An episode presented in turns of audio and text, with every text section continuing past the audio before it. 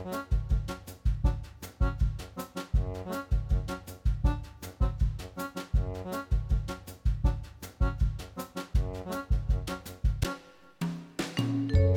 og sæl, velkomin í mannlega þáttin. Í dag er mánudagur og það er 22. mæ. Já og á þessum degi eh, árið 1703, 22. mæ, svo mjög svarf að á vestfjörðum að síslumadur let opna kaupmannsbúðir á Eyri í Skutulsfyrði til að dreifa mjöli og annari lífsbjörg til sveltandi almúans. Frá þessu segir í Eyrarannál. 1890 lögum sjómannaskóla voru samþygt á Íslandi og skólinn tók til starfa árið eftir. Svo er að þessum degi árið 1921 sem að fyrstu hljómsveitar tónleikar voru haldnir á Íslandi er Þórarinn Guðmundsson stjórnaði 20 manna hljóðfærasveit. Já, hljóðfærasveit, það Já. er fallegt orð. Já, En yfir í efni þáttarins og við ætlum að byrja í dag á því að fjalla um list meðferðafræði. Kerfisbundin markviss rannsókn á samanburði á áhrifum teikningar og skrifaðra orða á minni var framkvæmt í fyrsta sinn í heiminum árið 2000 eftir sem best er vitað. Og uh, það var unnur Óttastóttir doktor í list meðferðafræði sem stóð fyrir þessari rannsókn. Og í stuttumáli voru niðurstöðu þær að nýju vikum setna myndu börnin að jafnaði fimm sinnum fleiri teikningar en orð sem þau höfðu skrifað. Og þetta kallast minnisteikning. Núna í mæ hjælt unnur námskeið á Ítalíu fyrir listmeðferðafræðinga sem starfa í skólum og málefnin sem þar voru á dagskara voru til dæmis minnisteikning, skrifmyndir, mikilvægi listrætnar tjáningar í námi og svo var henni búið að flytja fyrirlestur þarna við ætlum aðeins að forvitnast um listmeðferðafræði hér með henni unni. Já, og við fáum vingil frá Guðjáni Helga Ólasinni, skúfuskaldi og þjóðfræði áhuga mann úr flóanum í dag eins og flesta mánudaga og í þetta sinn ætlar hann að leggja vingilinn að sjálfum vatnajökli. Svo er að lesandi vikunar, í þetta sinn er það Petro Gunnlaugur Garcia rithöfundur. Hann skaust fram á sjónavið sviðið með fyrstu bóksinni Málleysingjarnir árið 2019 og hlaut svo Íslensku bókmyndavelunin fyrir sína aðra bók Lungu sem kom út í fyrra. En við ætlum að fá að vita hvað hann hefur verið að lesa undanfarið og hvaða bækur og höfundar hafa haft mest áhrif á hann í gegnum tíðina. Og við byrjum á South River Band, hér flytja þeir, þeir eru allir kallar. E, lag sem heitir Guð og ég, þetta er lag eftir Óla Þórðarsson og Kormakur Bragason samt í textan.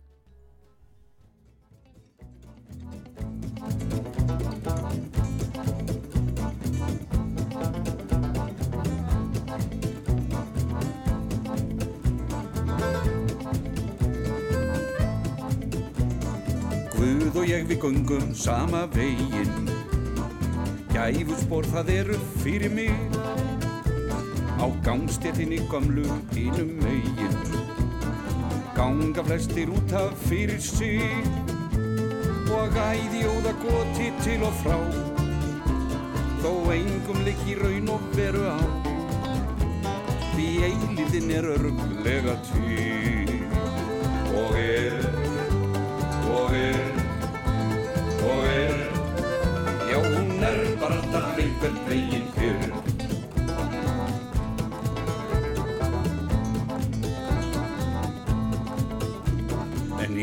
ímislegt samt leiðir beint af öðru Ég hef einmitt sönnun fyrir því. Til dæmis ef að blásið er í blöðru. Hún belgist út en tæmist svo á ný. Eins sumir vilja eiga og eigna start En oft þeim reynist lánið heldur vald Því ekkert verður eilíflega til. Það fer, það fer, það fer Og fer svo bara ekki lengur hér.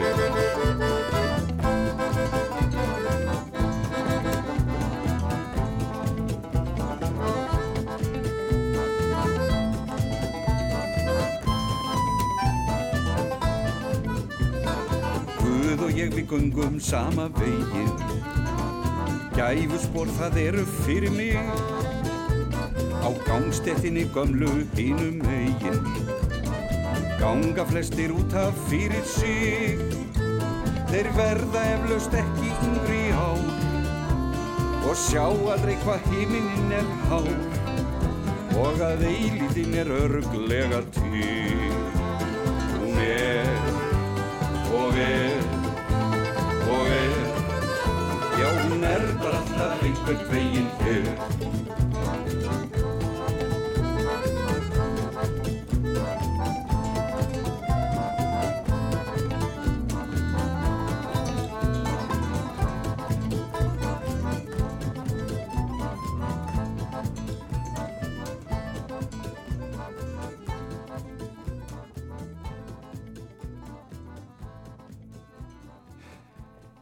Þetta var South River Band og lægið Guð og ég, hérna var Ólafur, Ólafur Þórðarsson sem að söng og hann eh, er annar höfundalagsins og Kormákur Bragason einnig.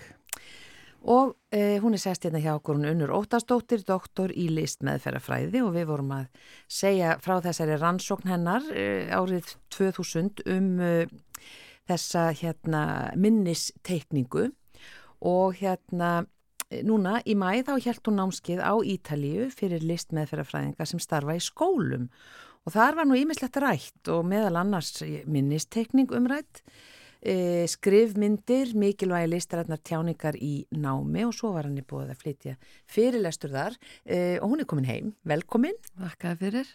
E, ef við bara byrjum á því að fá að vita hvað listmeðferðafræði er og eins og þú sagðir okkur áðan meðan lagi var í loftinu, það bara eru mjög fáir sem starfa við þetta hér. Já, við erum, uh, listmeðferðarfræðingarnir erum svona um 20 og svona um það byrj helmingur starfandi, þannig að við erum freka fáar. Já, fáar, þetta er allt konur. Já, við, við erum listmeðferðarfræðingarnir, já, við erum konur. Já, ennmitt. En uh, já, út af hvað gengur listmeðferðarfræði? Þó að það svona kannski líki pínlítið í orðinu sjálfu? Já, listmeðferð er sálfræðilegt meðferðarform það sem að tjáningin er að hluta til í gegnum listina. Og út frá listmeðferðarfræðilegu sjónarvarni þá er talið að listin geti náð oft betur en orð til flókina og erfiðra og, og svona tilfinninga sem að oft er ekki hægt að orða en listin geti frekar náð þangað. Og listmeðferð hendar mjög vel fyrir einstaklinga sem að eiga á einhverju hluta kannski ekki eins auðvelt með að tala eins og að jafnvel að tekna eins og börn. Já. og þá fer mikill hluti listmeðferðarinnar fram á svona tákrann hátt. Þannig að börnin eru að tekna eða gera einhverja list og fjalla um tilfinningar sínar í gegnum það án þess jafnvel að nefna það. Að því að þetta, list, þetta listræna sköpunarferðli getur svo verið svo ómeðvitað og tengingin við tilfinningarnar og reynsluna. Þannig að vinslan getur oft farið fram án þess að batnið eða einstaklingurinn þurfi endilega að tala um það sem að liggur að baki Já. þó það sé náttúrulega líka oft gert og sérstaklega með fullorna Já. og þannig að þetta er stór hluti af meðferðinu náttúrulega það er þessi listrina tjáning en hinn þátturinn sem er ekki síður mikilvægur það er meðferðarsambandið og það er það hvernig listmeðferðarfræðingun heldur utanum þetta tilfinninga tjáningaferli og veitir skjólstæðingum öryggi með því að vera til staðar, með því að hlusta, með því að leitast við að skilja, með því að spekla tilbaka og að veita örugt rými, það sem að hérna, ríkir þaknaskilda.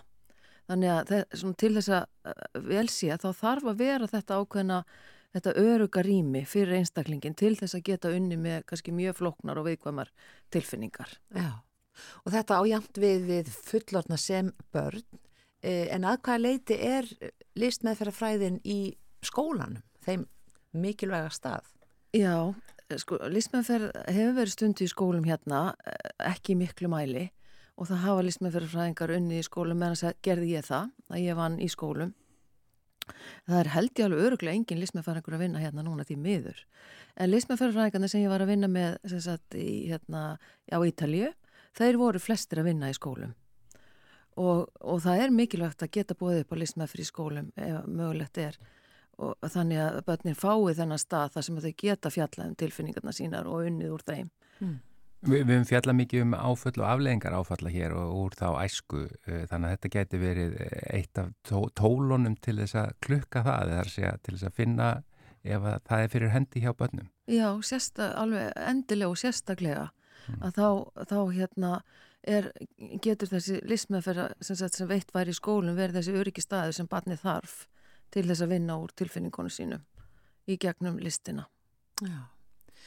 Uh, listmeðferðarfræði, hún er ekki kend á Íslandi uh, þannig að þú, maður þarf að fara til útlanda til þess að læra. Uh, hérna, veistu af hverju það er ekki fleiri í þessu að því að mér skilst að það sé mjög mikið að gera hjá ykkur. Ykkur fáu sem starfið við þetta Já, það er hérna það, því miður er listmeðferð ekki ennþá kend en við erum nú að vinna í því og hefur lengi verið og vonandi verður það verður það bara sem fyrst Já. að raunveruleika að, að verði möguleikar hér til þess að læra listmeðferð en það er uh, mjög líklega einn af þáttunum sem að veldu því að listmeðferðfræðingar eru svo fáir á Íslandi að það vanta mentunina mm. og, og ekki allir tilbúinir að fara út að læra Nei, það er náttúrulega dýrt og, og, og hérna og, og kannski oft mikið, mikið verkefni fyrir fólk að fara elendis í ná mm. Akkurat Við nefndum hérna aðan þessa rannsók sem þú gerði þarna árið 2000 uh, sem var þá í fyrsta sinn í heiminum sem slík rannsókn var gerð það sem uh, kemur fram að, að börn muna frekar teikningar heldur en orð sem þau skrifa. Já, það voru alveg sláandi niðurstöður í samband við hversu mikið börnin mundu meira af uh, teikningum heldur en orðum sérstaklega þegar tímin leið strax á eftir þegar revjuð upp þá var ekki munur en síðan þegar tímin leið og þegar voru leina nýju vikur að þá mynduðu fimm sinu meira af því sem þau hefðu teiknað heldur en því sem þau skrifað nýju vikum áður. Já, það er aldrei merkilegt. Já, ekki, já, svona, er þetta ekki já, aðteglisverðar upplýsingar til þess að hafa í skólum? Jú, svo sannarlega og það er náttúrulega ákveðin lisköpun eh, í tengslu við nám í skólum, sérstaklega með yngri börnum. En það væri, eh, ég tella mikið til gags ef við myndum bara auka en frekar hérna, lisköpunna, ekki til þess að láta hann að koma í staðin fyrir hefðbundi nám, heldur til að opna fyrir og hjálpa fólki að læra, jafnvel gagvar, bara með hefðbundu aðferðum. Mm. Þannig að tengingin á milli námsins og, og tekningana eins og ég sé það er ákveðin opnun fyrir, fyrir börnin til að læra en þetta er náttúrulega ekki alltaf kannski svo einfalt vegna þess að að, að myndirnar og myndsköpunin innifela í sér samkvæmt listmeðferðinni ákveðnar tilfinningar og jafnvel sem eru viðkvæmar.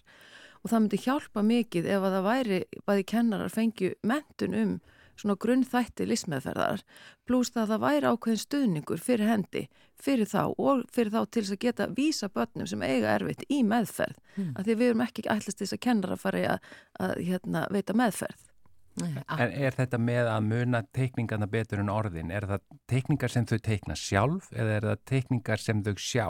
Það eru teikningar sem þau teikna sjálf Já að ég hugsa bara strax að nýta þetta í bara alls konar kennslu hérna að, að ef að myndræna minnit er betra en, en, en orðin. Akkurat ja. og það náttúrulega hefur verið vita lengi að fólk mann meira eh, betur myndir heldur en, heldur en skrifuð orð en það er svo nýverið sem að voru verið að gera þessar rannsóknir á teiknun og, og minni. Já.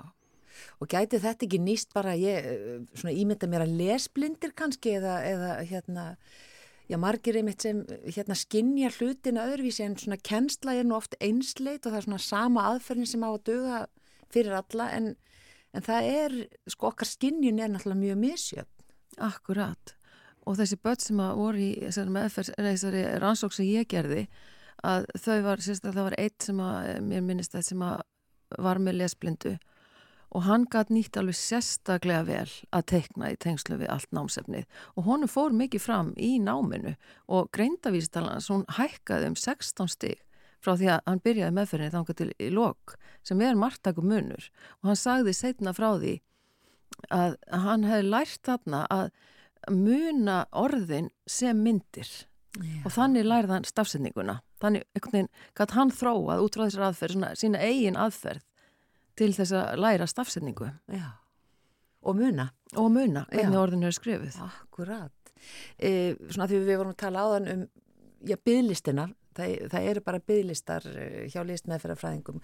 Svona hvernig e, er bara þinn dagur, þú ert með meðferðarstofu, hvaða einstaklingar eða svona hvers konar hóp ertu með? Og ég er með mikið börnum sem eru vísað til mér frá barnavendanemdu og, og svo koma fólki líka bara sjálf, á sjálf inn, inn í stofun og þetta er margvíslu vandamál sem börni glýma við. Og eitthvað vegna er ég núna með mikið börnum sem hafa mist fóreldri sína.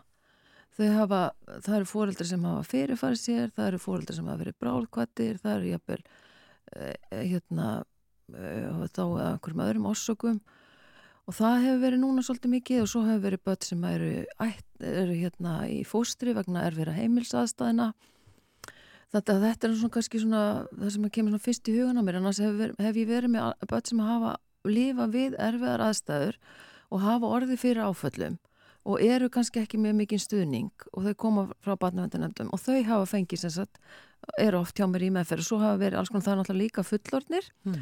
og, og það hefur verið handlisla sem ég er að veita ég er að veita kennur um handlislu og ég hef verið líka að veita lismefærafræðingum um handlislu, svo ég, hef ég mikið verið að kenna og halda fyrirlestra og þannig að kenna jáfnvel erlendis og svo er núna dagarni hjá mig mikið, ég er í samstarfi við evróska listmeðferðarfræðinga og ég er í, í, hérna, í stjórn uh, hérna, fyrir rannsóknir í listmeðferð, já félagi listmeðferðarfræðinga í Evrópu, já. þannig að það er ægilega gaman, þá er maður fundum á netunum og fólki frá allstað rað sem er að gera rannsóknir í listmeðferð mm. Svo það er, það er mjög fjölbreytt og mm, skemmtilegt. Mm, virkilega. Og áhugavert. Já, og langir dagar greinilega. Já. En takk fyrir Unir Óttastóttir, doktor í list með ferðarfræði. Takk fyrir að segja okkur frá þessu og minna okkur á hvað þetta er mikilvæg fræði. Já, þakk okkur fyrir að hérna, bjóða mér að koma hérna og lefa mér að deila þessum upplýsingum. Hann afi minn gekkum á allræmdum flókaskóm með albönskum hrákum í sólum sem skelltu í góm. Hann klættist vínrauðum náttfötum nótt jæmt sem dag og nótaði örsmáar koppur, stef eða lag. Og þeir steingrímur rakari hlustuð á hendel og bakk og horðu á skíinn og sögðu í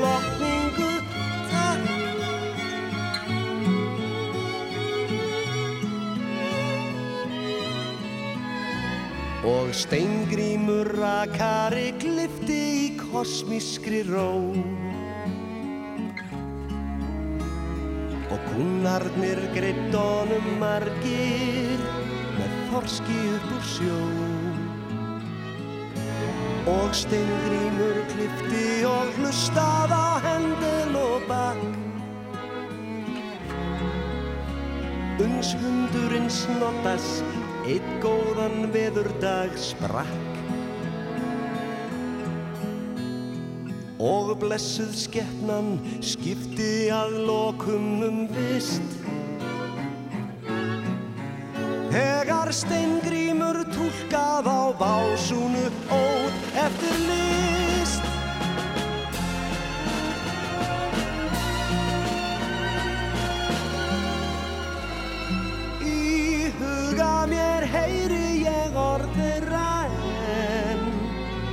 Elskan mín þetta eru hljóm listarmenn. Og Guðmundur vjelsmiður strengina varlega strauk.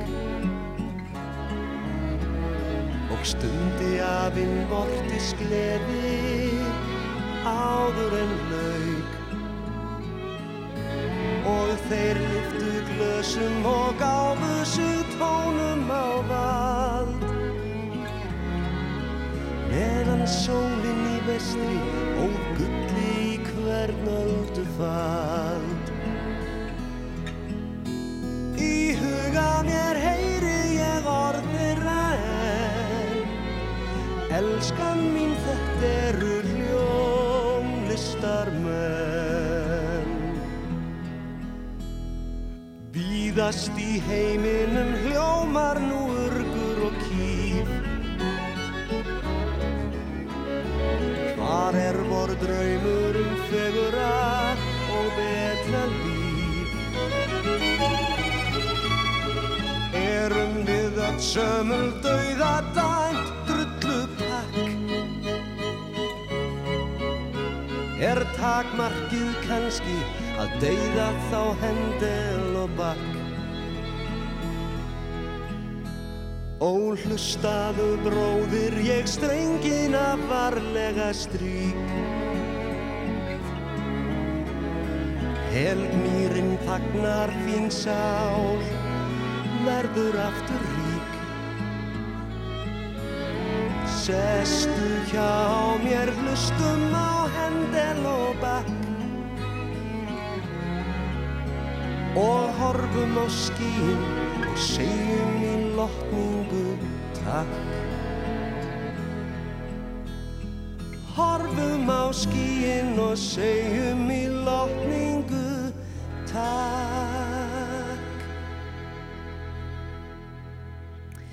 Vesturgata heitir þetta lag eftir Gunnar Þórðarsson, tekst að gera Ólafur Haugur Símunarsson og þá var Björgun Halldórsson sem söng. Já, en nú er komið að vingli frá Guðjóni Helga Ólafsinni. Ágetur hlustendur. Stundum er gott að hleypa aðeins heimdraganum og skoða sér um. Jafnvel á kunnulegar slóðir, það er ekkit endilega verra. Og aðalmálið er að brjóta aðeins upp hverstaginn, sjá veröldina og sjálfansi í nýju ljósi. Kanski finnst einhverjum undarlegt að ég nefni mikilvægi þess að sjá sjálfansi í nýju ljósi á ferðalagi.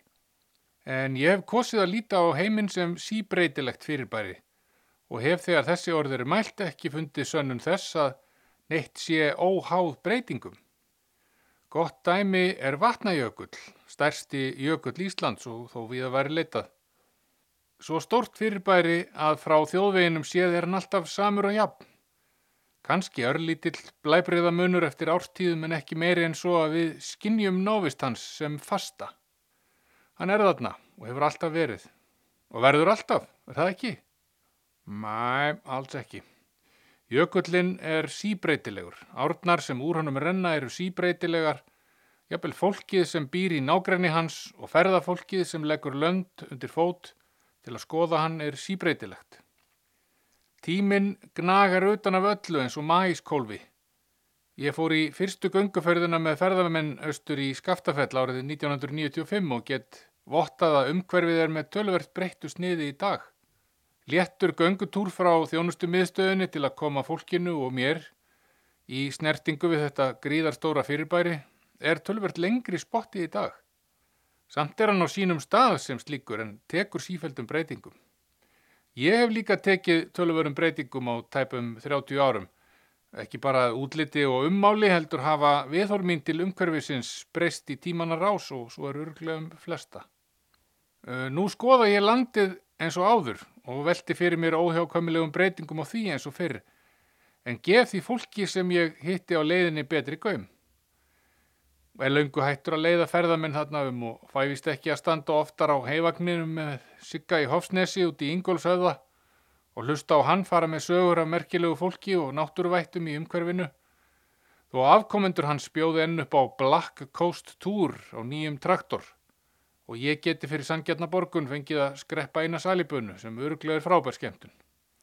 Ég get auðvitað ekki ætlast til þess að gamli rauði keistraktorinn í Hofsnesi sé eilíft fyrirbæri og sigga mínum blessuðum var skamtaður tími í þessari jarðvist eins og okkur öllum. En það sem ég er að reyna að kreista upp úr mér eins og rest úr tankremstúpu er að allt breytist. Einu sinni fór maður að fjálsárlóni og gætt setið þar einn á steini og gláft á skúmin sína fluglistir lengi dags. Maður auðvitað lögði að þarna kemi eiginlega aldrei kjaftur og hvati fólki til að taka nú myndir af þessu leinivopni í íslenskri náttúru. Því svona lagað er þið ekki lendarmál lengi. Og það svo sem varð, því nú er komin þjónustumiðstöf við fjálsárlón eins og við jökulsárlónið. Og alls konar göngustígar og sístem svo að allt fari nú ekki spark og vittleysu þarna. En ég stoppa nú stundum ennþá við fjálsárlón til að skoða mig um. Þó allt hafi breyst. Það hefur ekki breyst. En einn daginn verður síðasti tíkallin búin í stöðumæli minnar tilveri og þá auðvitað steinhætti að þælast að num. Nefna maður gerist bara draugur og skrúfi pílurnar úr loftvendlum á bílastæðinu og reyni að ræða líftóruna úr þeim sem ekki tíma að kaupa sér tjaldstæði við haugafell eða höfn og ætla að sofa aftur í kúkukamper í skaftfelskum veðköntum. Svo kemur kannski aftur alheims pest og túristatnir hætta alveg að koma enga. Hvað veit maður? Annað en að allt mun breytast. Kanski verða allir hættir að trúa á drauga og maður verður bæði dauður og atvinnulegs. Það eina sem er örugt er auðvitað að ekkert er örugt og gott dæmi um það sem ekki er örugt er þjóðvegur nummer eitt. Með fullri virðingu fyrir þeim sem ráða vegamálum að þá er ekki nokkur einasti blettur frá Selfossi og Östur á höfn sléttur á þessum ágæta vegi sem er í sjálfu sér rannsóknarefni því ég hef alltaf staðið þeirri meiningu að það sé hægt að hafa yfirborð á malbygguðum vegi slétt og að það sé alls ekki dýrar en að hafa þetta eins og úvið haf. Aukin heldur seljum við ferðafólki í hundraða þúsunda og jafnvel miljónavís ferðiringað og margir vilja lega sér bílalegubíl en það ekki hægt að stóla hér á almenningssamgöngur. Og fólkið ekkur þennan óslétta og tætta veg á þeim tækjum sem við höfum hér til leigu. Reynir eftir fremsta megni að halda fókus og virða mörgum hámasraða en svo kemur það auðvitað marg ítrekka fyrir að uppkoma atvik sem kalla á að hæja á bílnum, jafnvel skindilega. Ímsar orsakir geta staðil til þess eins og gengur, kannski ekki annað en eitthvað merkilegt í náttúrinni og heimlangar auðvitað að njóta en ekki þjóta eins og sagt er og öll strollan og ettir þar þá hæja á sig líka. Sumur eru líka að reyna að rata, hann að hvort er kortum eða staðsetningartækjum og kannski er komið upp vafamál. Átt að beigja hér? Nei, það getur ekki verið. Og þó er hér urmulla bílum á stæði þannig að eitthvað er um að vera, hefur við kannski að stoppa á aðtuga. Og þá er búið að gefa upp bensínið og hæja á næstu 30 bílum og eftir auðvitað líka og allir fannir að reyta á sér augabrúnir af geðilsku. Hvernig anskotan á þetta þýða og annað þetta því og Svo fara ofurhugarnir að stunda inngjafir og flautukonserta til að tjá sína líðan og kannski skondrast einhver út af eða það sem verra er valda árekstri. Ferðalög geta verið hættuspil, lendi maður í slíkum aðstæðum og um að gera fara vallega. Og aka aldrei svo nálegt næsta bíl að maður lendi ekki aftan á honum ef að sá þarf að hæja skindilega á sér. Það verða nefnilega aldrei árekstrar ef allir passa sig á að vera ekki of nálegt hverjir öðrum og auðvitað þarf að brína fyrir þeim sem vilja eða þurfa að hæja skindilega á sér að gefa stefnuljós til hægri og fara út í kant. Þannig að þeir sem vilja halda umferðarhraða geti gert það þannig að sómi verði af. Og eins að þeir sem koma á móti síni þessu skilning og viki örlítið sín megin. Þá gengur allt smurt. Mér dætt í huga nefna vatnajökul til sögunar að því er nýbúin að skreppa austur. Bara til gamans Við heiða mín vorum ein heima að veltast og ákvaðum að skreppa í stutta heimsögn á mýratnar, skoða kiðlinga og lömp og kannski taka lagið í leiðinni. Vinir okkar á hólmi á mýrum östur eru nefnilega búin að sapna að sér tölveruð magni af ímiskunar hljóðfærum sem gaman er að skoða.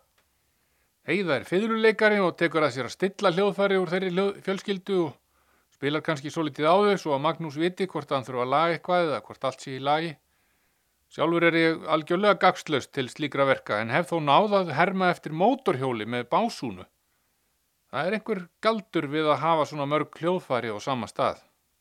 Ég vona þau hjónin opni einhver tíman hljóðfærasapn á staðnum því þannig eru grepir sem svona leikmenni eins og ég get ekki látið sér dett í huga séu til og flest, já ef henni ekki öll, í lægi.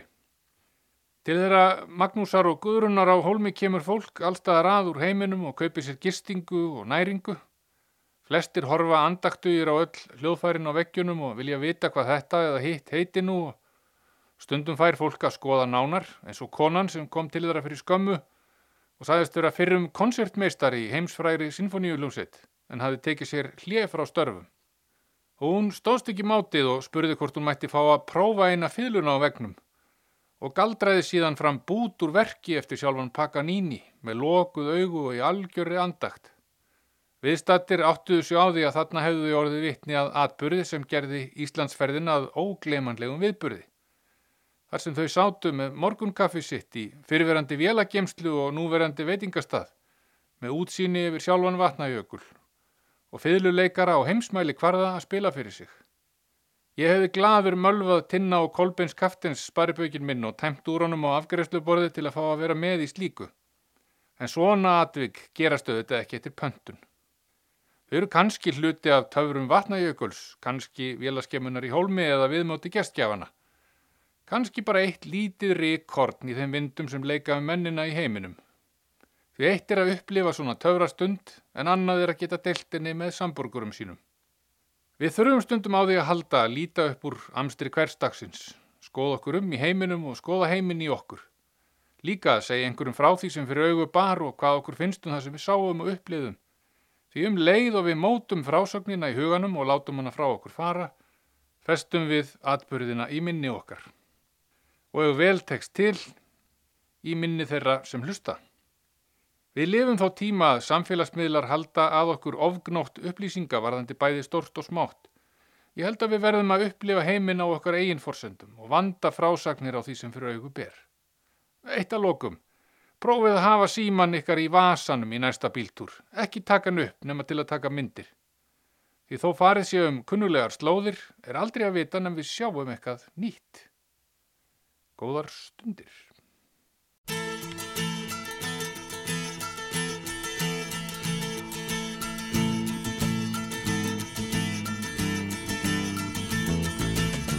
There's a little room on my list for tonight.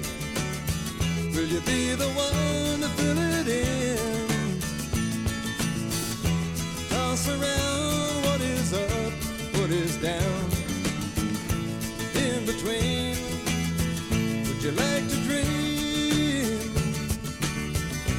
Step on in.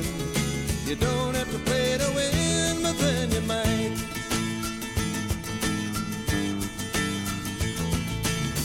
There's a little song on my list for tonight. Would you like to try and make it rhyme? Sing and sway if your heart feels that way. You can leave the blues behind. There's a little loving on my list for tonight. With a bit of luck, I'll check it all. toss around what is up, what is down.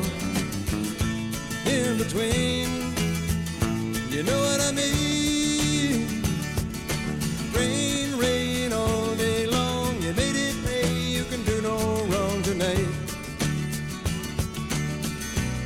Pick and grin, you don't have to play to win, but then you might.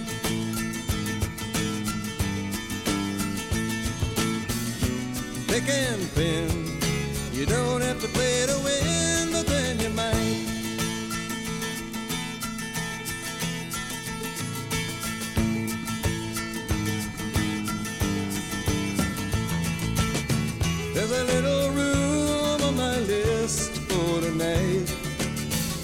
you be the one to fill it in? Toss around what is up, what is down in between.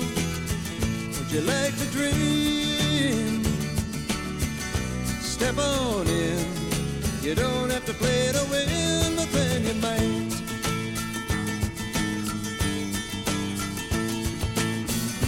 Pick and pin. You don't have to play to win, but then you might.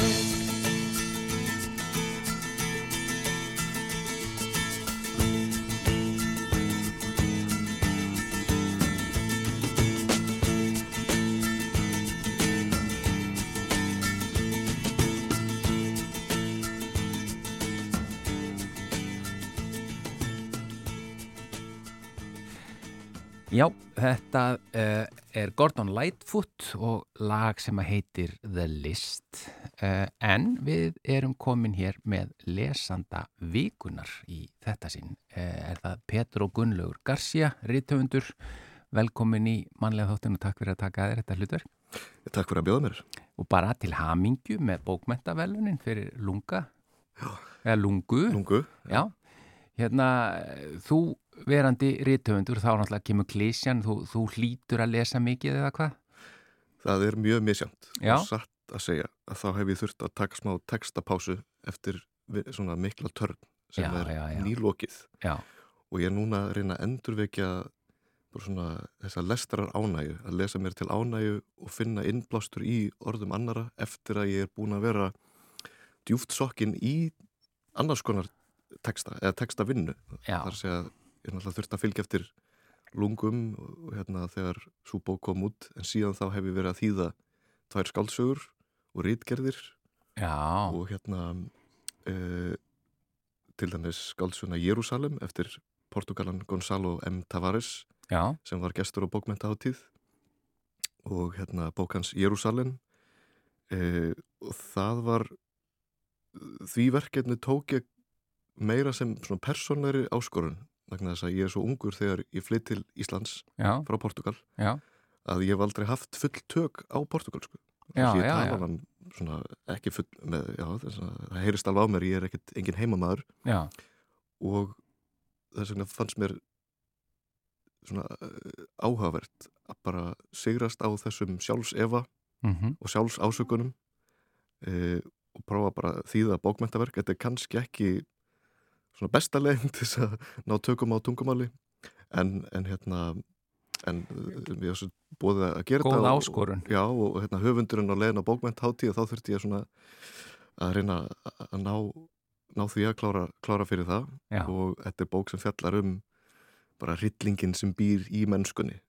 Og, og hérna, fjallar um vitfyringu og, og hérna, uh, ilsku mhm, uh, en líka, þetta er líka ástasaga uh, og að þýða svona bók á vitrarmánuðum hérna Mhm. á Íslandi þá sogast maður meira inn í geggjunina heldur en maður hefur kannski holdt af já, já, já, já, og, og verandi einmitt þýðandi, ekki bara að lesa heldur að þýða það, þá þarfst alveg að fara ofan í allar merkingar Mhm. og allt. Já, maður og er á valdi textans Já, og ég meina, og hvernig, ertu búinn?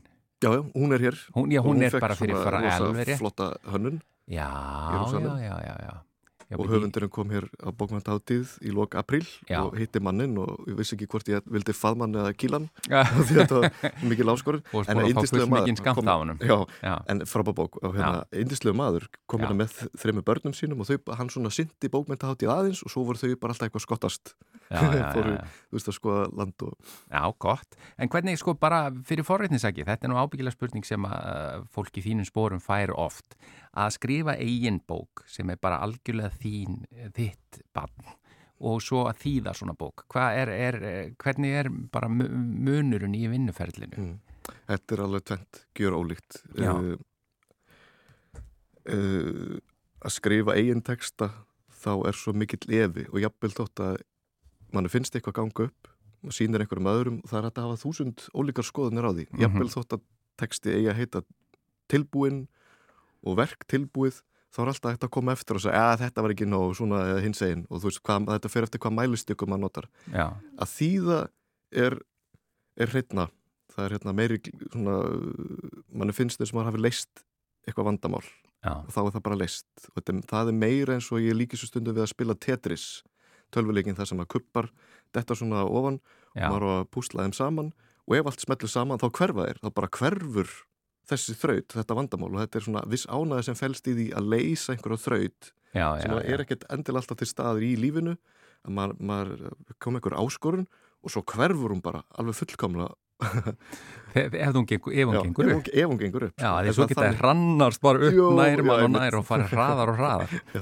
Já, áhugavert. En já, Jérúsalem, þá er það bara fyrsta bókin þá sem þú segir okkur frá Mm. og, hérna, og þú greinilega þurftir að kafa alveg djúft, djúft ofan í hana. Eh, eh, viltu segja eitthvað meir um hana? Já, kannski bara í stuttumáli þetta Já. er bók sem gerist á óræðum stað í svona óræðri evróskri borg Já, og það endur óma voðaverk uh, mannkinsins í gegnum hana þótt hún fjalli um uh, persónlega sambönd nokkra einstaklinga uh, þetta er hérna uh, Milja er döðvona kona, við komumst ekkert að því af hverju það er en hún uh, ráfar um borgina að nættulagi að leita einhvers konar björgun eða einhvers, einhverju sem getur hjálpað henni Mm. uh, og það eina sem gleður hana er að hún er svöng vegna þess að ef hún er svöng þá er ennþá á lífi. þá er hún ennþá á lífi og hérna, svo, svo, þannig að hún svona, veit, veit ekki hvort hún eigi að fá sér eitthvað að borða því að sko, hungrið það er lífið Já, já, já. uh, og svo á sama tíma er hérna, fyrverandi eiginmaðurinnar Theodor hann fer út til að leita sér að uh, konu næturinnar ef við skulum Já. orðum það þannig. Já. og, og sonur hans vaknar í íbúðinni og, og velti fyrir sér hver er pappi og fer út að leita á honum nema hvað það er morðingi á ferli út í nóttinni líka. Ah, og svo fer sagan svona fram og aftur í tíma eins og spírall.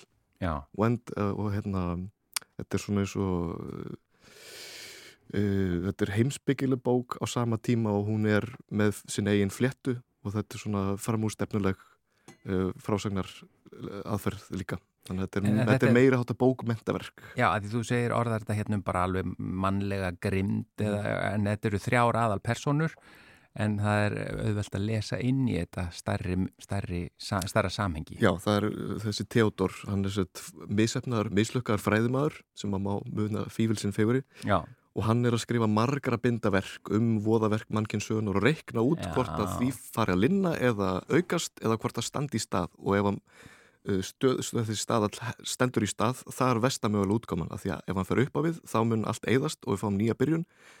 Og en, hérna nema hvað að hérna, hann vinnur að þessu margar að binda verki og svo loksins kemur út og verður honum sjálfum mjög bara til háðungar þannig að- stöðnun er versta mögulega. Stö, já, ef, ef við höldum áfram að vera svona ógeðslega eilífu það er vestamögulega útkoman Já, hérna. Áhugavert, næsta bók sem þú komst með til að segja okkur frá. Ég, ég verði einlega, ég kemst ekki hjá því að minnast á, á hérna, Læknir verðu til sem er bók sem að bróði minn var að skrifa og gefa út Henrik Geir Henrik Garcia. Geir Garcia er læknir og hann uh, kom einhvern tíman til mér og sagði, heyrðu, ég er að skrifa bók. Mhm. vilt þú kannski lesa hann yfir einhvern tíman og það þótti mér aldrei slæm hugmynd því að þetta er bróði minn og hérna, það þyrst að vera einhver svona fagleg fjarlægð. Já, og hann spurði mig aftur og svo aftur þrísu sinnum og þá gól hann inn og hann sagði heyrðu, sko, ég er ekkert viðkvæmur fyrir þinni gaggrinni af ert þú viðkvæmur fyrir að segja mér hvað þið finnst? Og sagði, æja, allt í lagi. Og mér til mikils léttist þá er þetta bara frábær bók og ekki síst uh, áhugaverð insinn inn í heilbriðiskerfið hlutskipti læknisins. Til þroskasaga læknis frá því að vera unglæknir og hvernig hann kemur inn í heilbriðiskerfið sem er mjög gallað hvernig það er að fóta sig þar hvernig það er að vera í þessu sjúkdómsgreiningaferli með sjúklingi sem er kannski búin að greina sjálfur sig fyrir viðtalið og vill bara fá liv X. Staðfestingu eða, Já. já, já, já, já. eða þannig, einmitt og, uh, og hérna tölvukerfið sem þau vinna með mér finnst það kannski einn mesti skandallin sem er hann er ekki reyna skandalisera þetta er ópólitísk bók, Já, En- en, en hún er svona að gefa smá insýn inn í kannski kerfið sem Já. er í dag. akkurat En hva, er, hvernig er aldursmunurinn á þér og bróðinu? við erum nánast írskir tvíburar ef einhver átt að sjá Jó, innan, innan árs. Nei, það er tæft eitt og hár, eh, eitt og hálft ár Já, Og, og hvor er eldri? Ég er aðeins eldri, já. Það er eldri, Það er já. þró, miklu þroskari. En við, jú, nú, já, já, þetta er, við erum viðkvæmari náttúrulega fyrir bara fólki sem stendur okkur svona nærri, hvað það segir eða hvað maður segir um og líka eins og segir gott að það var léttir að hún var góð. Já, Já, það, já, er, já, það er ekki dróðs góð tilfinninga ef það er ekki gott og hva, hvernig fer maður þá í gegn það var klíma. Nei, mér langar sko, líka bara beint í kjölfara þess að minnast á bók sem að uh, ég var búin að lesa og þó ekki vegna Mm. þess að maður fær stundum að lesa yfir hjá kollingum sínum og koma með aðtöðasemdir og svo koma verkin út og það er svona misjamt hvort að fólk hafi breytt miklu eða litlu sko en það er hérna bók sem að ég átti eftir að lesa í svona sinn loka mynd og náði loksins að lesa nýlega sem er Sápufuglin eftir Marju Elisabeth Bragadóttur já, sem er frása, frábær uh, svona, þetta er þrjár smásögur og eina af þeim er, er lengst, það er hérna titilsagan Sápufuglin og það er mitt breytt hún mjög miklu frá því að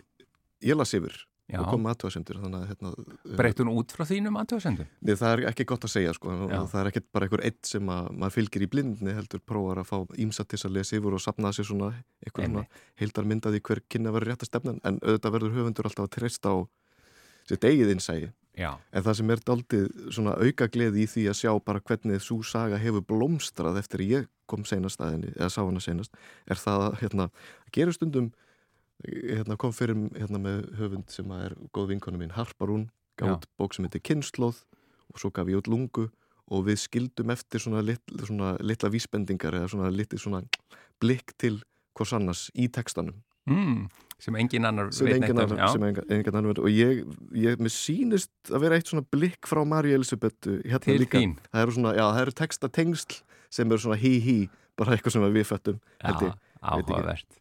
En er þetta ekki líka bara svolítið, eh, það er að segja, á meðan á, á þú ert að skrifa bók, að fá einhver til þess að lesa og, og koma með þá eh, einhverja punta, það maður er að setja sér svolítið svona eh, viðkvæma stöðu, ekki satt? jú, þetta er algjör berskjöldun og, og hérna, maður miklu viðkvæmur fyrir aðtöðasöndum hvað þetta var það heldur um margt annað í lífinu Já, já, en hvað mig, og maður þarf að, sko, þegar maður er að gefa sko, endurgjöf, Já. þarf maður að fara mjög valega af því að maður vill vera með uppbyggilega einmitt. og það þarf bara að kunna orða það rétt Já, að því að, að, að höfundurinn er í mjög viðkvæmri stöðu Já. og allt sem að, getur magnast ímislegt Já, upp það sem er sagt. hangir allt egoið á Já, já, já. en hérna fyrir mitt eigi leiti þá vil ég auðvitað heyra allt uh, sem hægt er að segja áður en hún kemur út. Já, já, það væri viðkvæmur leiðilegt að heyra það síðar. að heyra það síðar. Já, hefðir mátt segja þetta fyrr. Heyrðu, ein bók sem við náum í viðbót áðunum fyrir aðeins aftur í tíman, svona, akkurat. Uh, ég er hérna, ég verð að minna staða það er hérna þriðji maður með okkur í stúdíunum já, sem búin að haga sér afskaplega vel. það er sonu minn fimm ára sem að, það er starfstafur í, í leikskólanum. En það er bókaserja sem við höfum haldið mjög upp á sem heitir Obbuló í Cosimo eftir Kristínu Helgu Gunnarsdóttur og Haldur Baldursson myndskreitir Já, og uh, það eru komnar út tvær svo ég viti, Snirtistofan og Dutturnar og við höfum lesið þessa bók bækur uh, vikum saman já. og það fær ekki nóðum og við býðum í óþreyju eftir að það komi fleiri og mér skilst að séu kannski tvær sem kom út á leiðinni. á, já, Já, frábært. Heyrðu, en nú ætlum við að fara aðeins aftur í tíman. Ef þú, ef þú bara mátt fara eins langt aftur og þú vilt, Mm. hvaða svona bækur og eða höfundar koma svona upp sem að hafa haft það mikil áhrif á þig, hvena sem er á æfinni, eh, að þau svona fylgja þér alltaf. um, sko, það er hægt að kannski nefna eitthvað sem að hefur móta, þú veist, það er tengt álít hvað móta mann sem mannesku, sko, hvað Mhm. móta mann sem höfund og það er ákveðnir, svo ég bara einblýni á eitt umfram manna, sko, bara hvað hefur fengið mig til að hugsa, já, þetta er eitthvað sem mig langar til þess að gera. Já, og svona einhver frumtenging var kannski við að lesa Kafka sem úlingur að lesa hérna, um Gregor Samsa sem breytist í skortýr það er mjög áhrifaríkt já, og þá hérna bara loksins skilum einhver loksins skilur einhver hvernig það er að vera skortýr, ógeðslegt skorkvikindi. Þetta hugsaði ég 15 ára. Já, þú, þú, þú samsvaraði, já, á hamskiptin. já, og svo hérna hef ég verið mikill aðdæðandi Faulkners og að lesa The Sound and the Fury uh, um þrítugt það, þá hugsa ég vá, þetta er eitthvað sem bókmyndir geta gert og bara bókmyndir og þetta er eitthvað sem að er auðvitað utan seilingar þessi snild sko en þetta er, veist, það var mjög áhugavert að að hérna að láta vaða á þetta form Hva, hvað er þetta gammal þegar fyrst, fyrir máleysingirni koma út?